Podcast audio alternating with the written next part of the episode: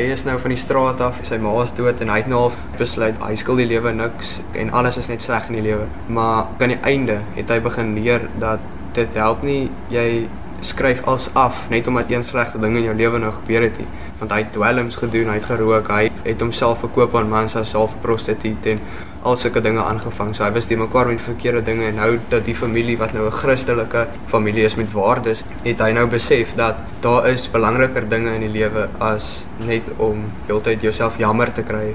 Hoe klim jy in daardie rol in? Speel jou hart uit, laat dit nog steeds autentiek is, maar beleef nie trauma terwyl jy dit doen nie.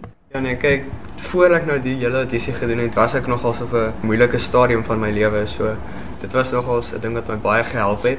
Ek het byvoorbeeld nou gekyk die dag watter tipe scenes ons gaan skiet en want ek net teruggegaan en op 'n stil plek gaan sit en dan dink ek aan iets in, wat in my lewe gebeur het wat dieselfde tipe effek het emosioneel en so as wat dit gehad het op Pieter en dan deur dit het ek gespeel om my regte emosies in te bring in die rol. En hierdie rolprent het ook nou by Kaan gewys. Wat is dit van hierdie Afrikaanse Suid-Afrikaanse storie wat jy dink regtig die oorseese gehore geraak het?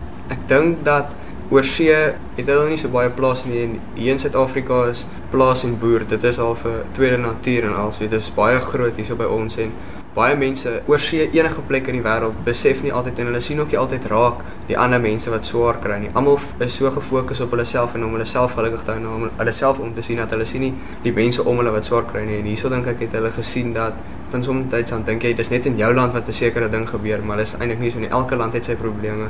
Enige plek in die wêreld is daar sleg. Jy kan nie daarvan ontsnap nie en daar's altyd 'n manier om uit te kom uit 'n slegte situasie. Maak nie saak hoe erg dit lyk.